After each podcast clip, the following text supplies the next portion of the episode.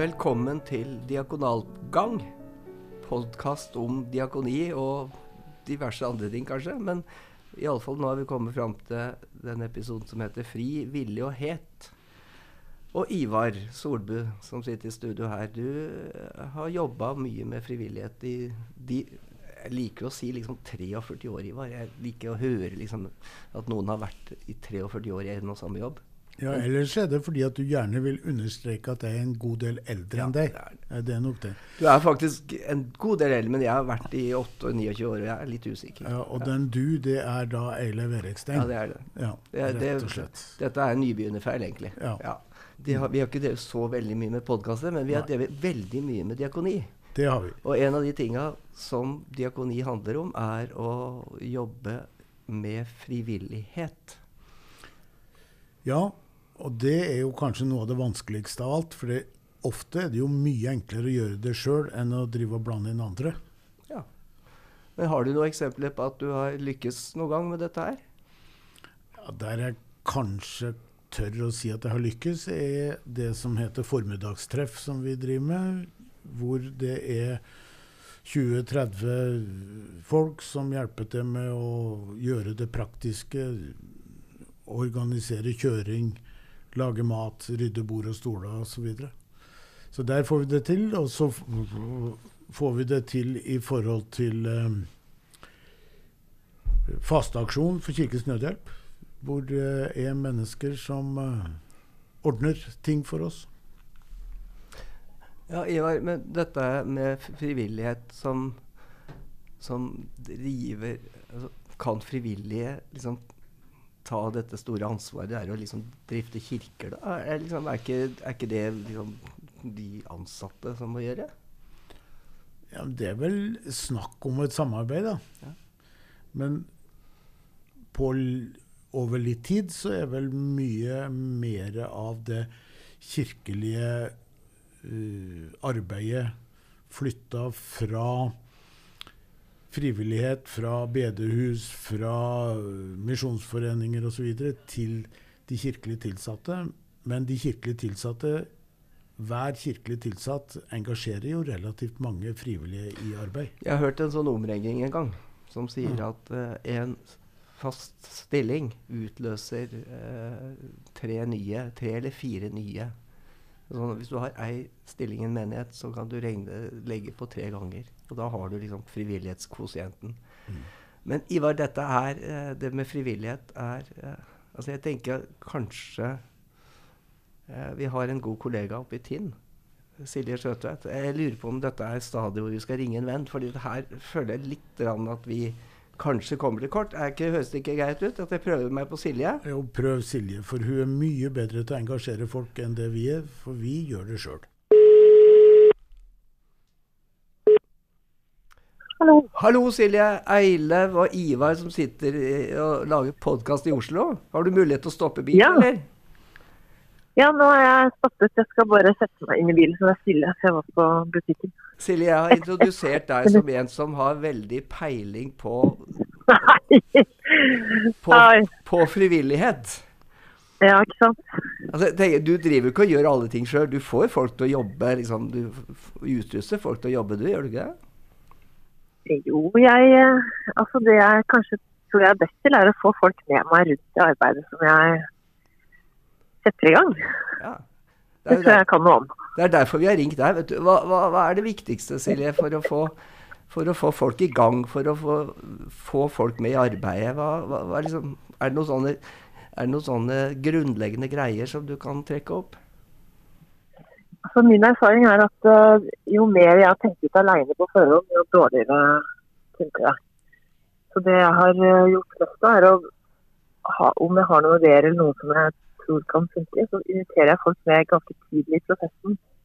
Folk som jeg tenker kan være interessert. Og så skaper vi det sammen. Det blir ikke sånn at jeg har et sånt ferdig konsept som jeg skal prøve å få andre engasjert i, men at vi sammen tenker ut noe som vi alle har eierforhold til. Da. Det har jeg hatt god erfaring med At du, du drar folk tidlig inn i dine tanker? Ja, det har jeg. Jeg full av ideer. Det er ikke alle som er like gode. Det er ikke alle som Nei, du er jo er full av ideer, Silje. Det er jo liksom Det må jo være et eh, Ja. Jeg tør ikke hvordan det er å være gift med deg, Silje. Det skal jeg ikke, bare, det skal jeg ikke tenke så mye på. Nei, det skal ikke du Nei, tenke Nei, det skal ikke tenke på Det. Men, men, men, men de ideene Du sier at du involverer folk tidlig i tankene dine. Har du, noe- Ja, har, har du noe eksempel på det? Ja, f.eks. da vi skulle starte daghjelpstime for asylsøkere på uka. Mm. Så var jeg, eh, hadde jeg en idé om at vi måtte få til noe på, på dagtid, for vi hadde så mye tid og var så frustrert. Og da eh, involverte jeg flere, noen asylsøkerfamilier som jeg kjente, for å høre hva, hva trenger dere, hva vil dere bruke tiden på. Og så involverte jeg voksenopplæringen i kommunen, som kjente mange av disse som var asylsøkere. Jeg involverte Mannheimen, asylmottaket, og så sammen jobba vi sammen. Og da tråkket jeg heller ikke de andre for da var vi ute til å være gapet hvor det ikke er noe tilbud. Så da fikk vi til noen greier sammen. Og når vi da hadde opplegget klart, så var det lett å lansere det, for da visste alle om og hadde en eierskap til eh, prosjektet. Så det eh, Sammen med Kafé Loren, som jeg starta nå, en sånn tverrkirkelig kafé, så har vi sittet sammen helt fra start. Vi, hadde ikke, vi har laga logoen sammen, vi har eh, på navnet, vi har eh, tenkt ut hva vi skal servere, hvem vi skal invitere. Alt dette har skjedd i fellesskap, så det er det ikke lenger nytt. Det er jo et sånt fellesanliggende. Man må jo ha et eierskap til det man engasjerer seg i. Jeg er ikke så kjempemange som syns det er gøy å gjøre noe som andre har tenkt ut.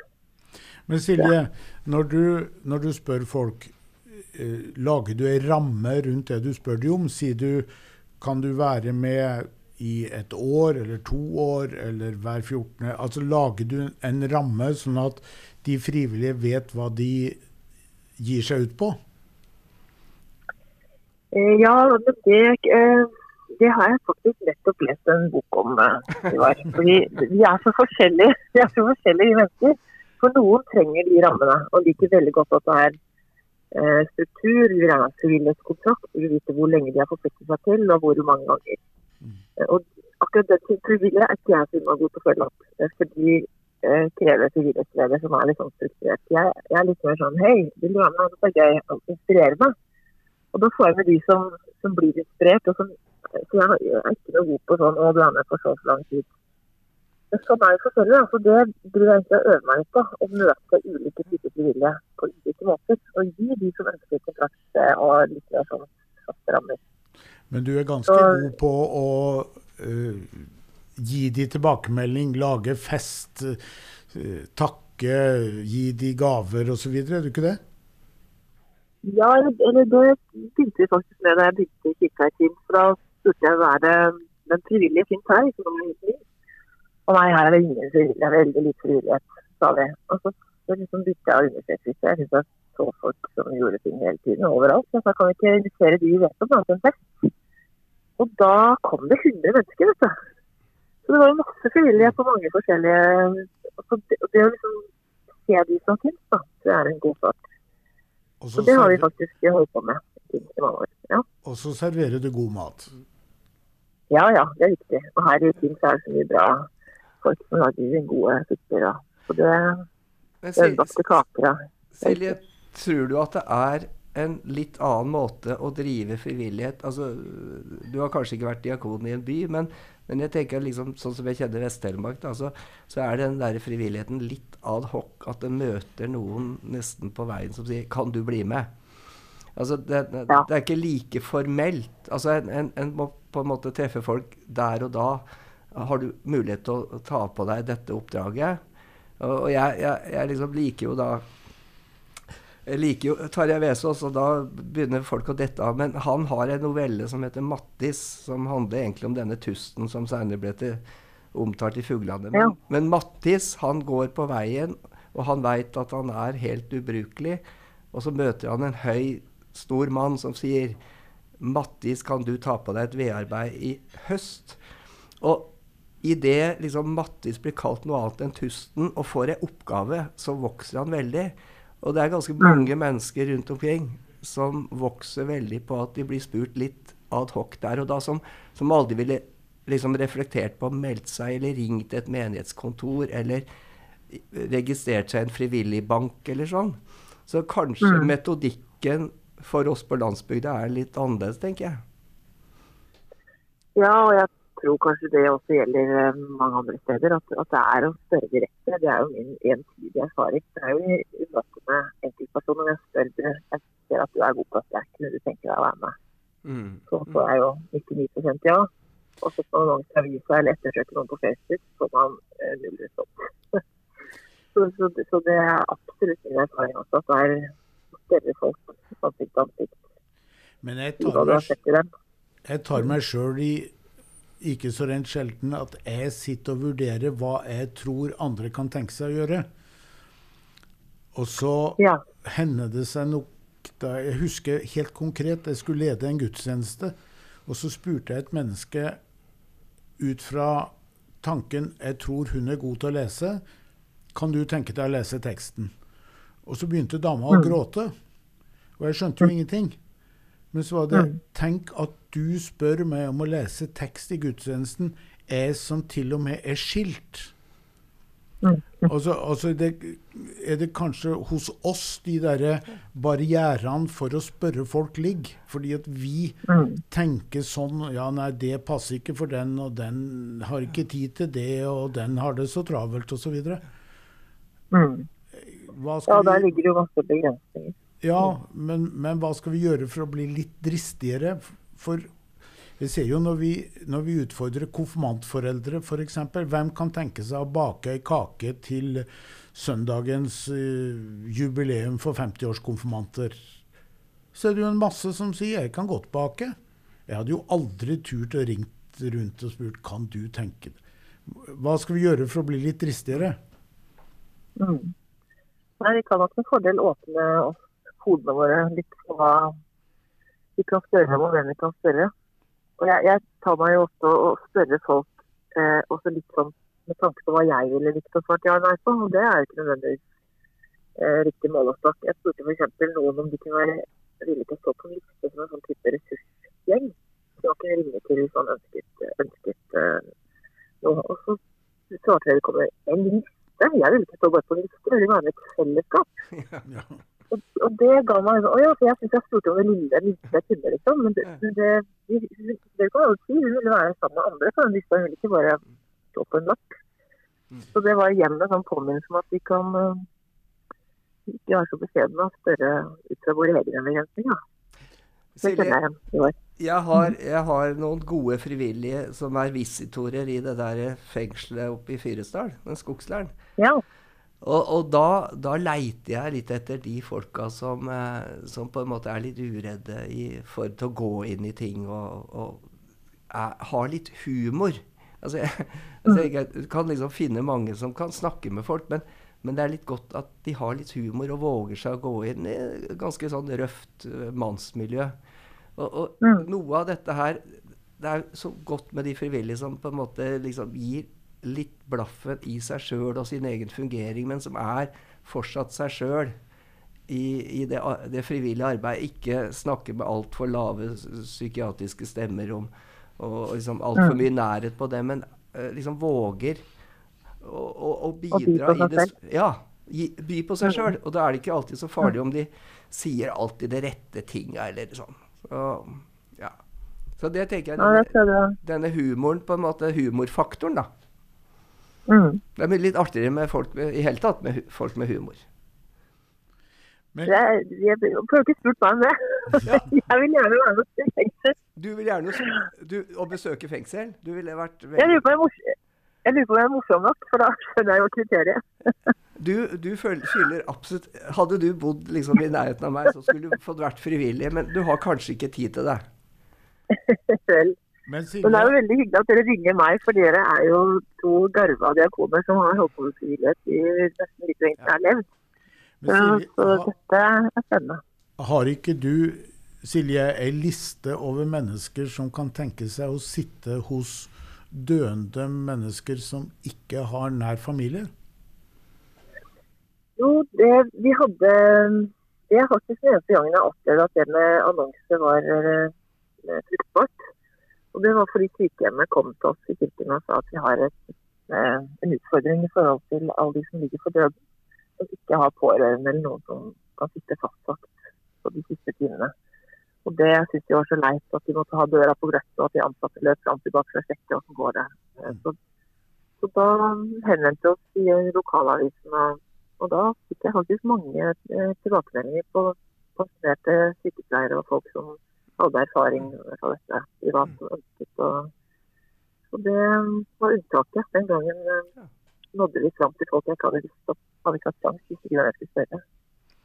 Men det der er jo Det det faktisk veldig, veldig bra. fordi det er kanskje et av de Når de offentlige budsjett på en måte blir eh, mindre, så trengs det veldig mm. denne frivillige innsatsen. Og jeg tenker dette er kanskje et samfunn måles akkurat på om, om folk dør egentlig aleine. Altså det, det er liksom et sånt avgjørende øyeblikk i livet at ingen skal, ingen skal dø aleine. Og hvis diakonien kan være med der, så er det jo midt i, midt i kjernen av diakonien. Hjertet. Jeg Midt i hjertet, Silje.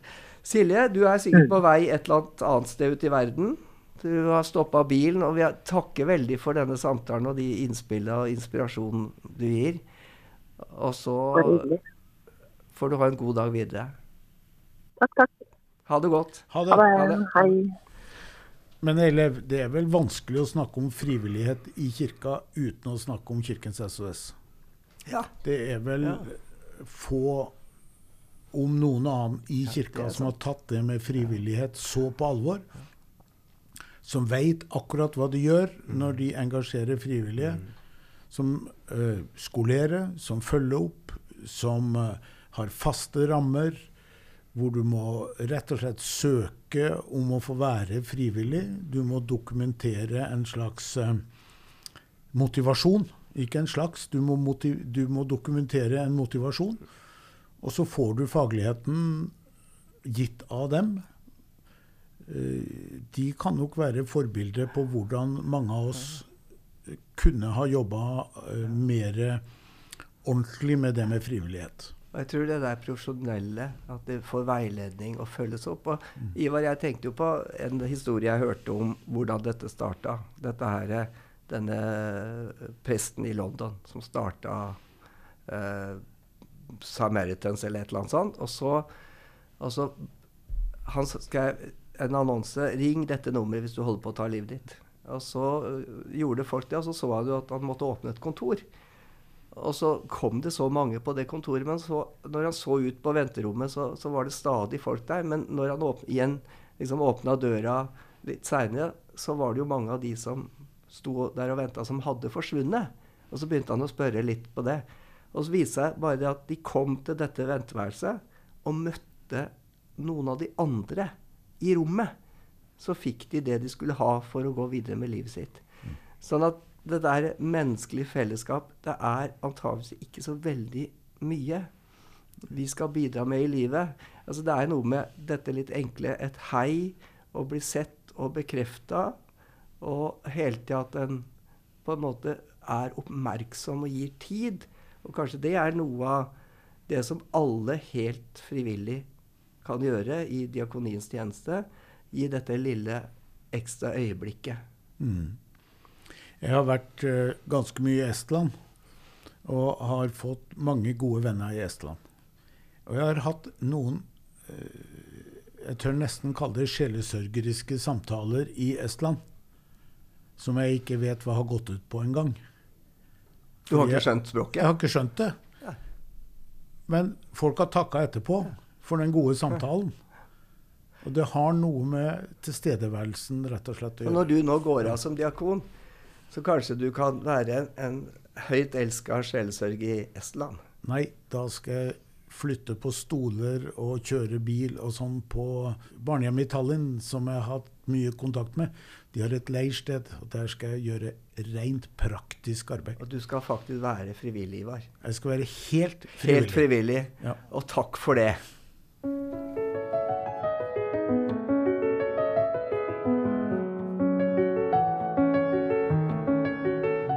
Har hørt podkasten Diakonalgang. I studio satt Eiliv Erikstein og Ivar Solbu.